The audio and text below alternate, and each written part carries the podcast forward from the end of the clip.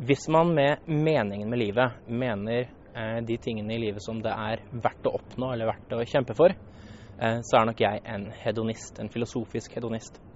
Eh, og det en hedonist vil si, er at det eneste som det er verdt å oppnå for sin egen del, er glede. Og det eneste det er verdt å unngå, er, er lidelse. Så ifølge en hedonist så er det veldig mange ting i livet som kan være gode. Vennskap, kunnskap, eh, ulike typer opplevelser, kunst osv. Men grunnen til at de er verdifulle, vil en hedonist si, er at de, de fremmer glede, og de, de, hemmer lidelse. Hadde det ikke vært for det, så ville de ikke vært verdifulle.